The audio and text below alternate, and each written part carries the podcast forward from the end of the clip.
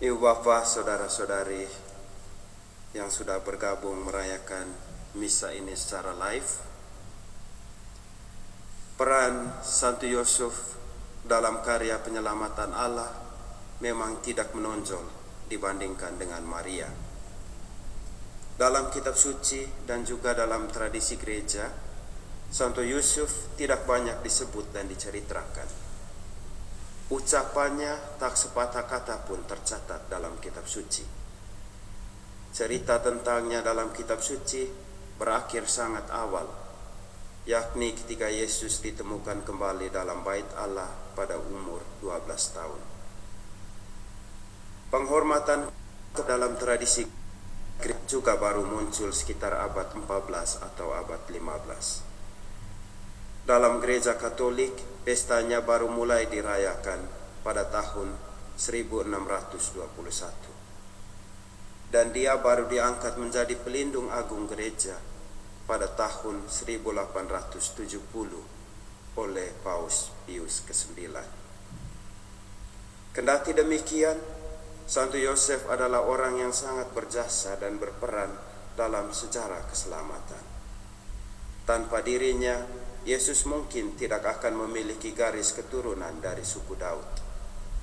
Dan dengan demikian, mungkin tidak terpenuhi juga ramalan para nabi bahwa Mesias berasal dari keturunan Daud. Santo Yusuf adalah tali penghubung antara Mesias dan keturunan Daud. Santo Yusuf adalah teladan bagi orang beriman. Tokoh idola yang menyerahkan diri kepada Allah. Ia adalah seorang pecinta yang tulus, pekerja keras, dan bapak keluarga yang jujur, setia, dan penuh tanggung jawab. Sebagai suami Maria, ia hadir sebagai bapa pengasuh Yesus. Salah satu kebijakan utama yang bisa kita teladani dari Santo Yusuf untuk hidup kita sekarang ini mungkinlah ketulusannya untuk tetap diam, tetap tenang dan tidak banyak bicara walaupun ia mengetahui banyak hal seperti yang dilukiskan bacaan Injil pada hari ini. Santo Yusuf mengetahui bahwa Maria tunangannya hamil sebelum mereka hidup sebagai suami istri. Ia tidak berkata apa-apa tentang itu, apalagi menyebarkan gosip. Ia mengetahui itu, tetapi ia bisa pergi tidur dengan aman dan malah bermimpi pula. Cukup sulit dalam keadaan tidak tenang, dalam keadaan khawatir atau jengkel untuk tetap tidur dengan tenang. Santo Yusuf mencontohkan itu. Dalam kekhawatiran, dalam kecemasan, dalam ia tetap tenang dan bisa tidur dengan aman, malah bermimpi pula sampai menemukan suara Tuhan dalam hatinya. Saat ini, jika dunia dilanda kebingungan dan kecemasan dalam menghadapi wabah virus corona, kita disuguhi banyak informasi ada informasi dari sumber-sumber resmi, ada juga dari sumber-sumber abal-abal yang tidak jelas kebenarannya.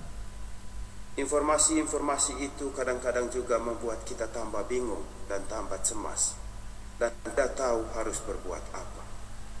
Mungkin salah satu cara untuk mengurangi kebingungan dan kecemasan itu adalah dengan tenang, dengan diam, menghentikan aliran informasi cukup sampai pada kita kita tidak perlu meneruskan lagi pesan-pesan yang masuk ke HP kita. Tidak perlu forward atau lighter. Biar kita saja yang tahu dan kita melakukan apa yang kita yakini benar. Karena tidak semua informasi yang masuk ke HP kita itu benar dan layak dipercaya. Dengan itu mungkin kita sedikit membantu agar makin banyak orang mendapat informasi dari sumber-sumber yang resmi tentang corona tanpa harus bingung karena ada begitu banyak informasi lainnya yang sumbernya tidak jelas sama sekali.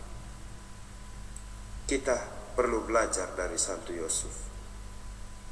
Tenang, tulus, dan Semoga Tuhan memberkati kita di saat sekarang ini ketika kita sedang menghadapi wabah virus corona agar kita juga tenang mendapat kekuatan untuk tidak cemas untuk tetap mengandalkan Tuhan sebagai kekuatan kita. Tuhan memberkati.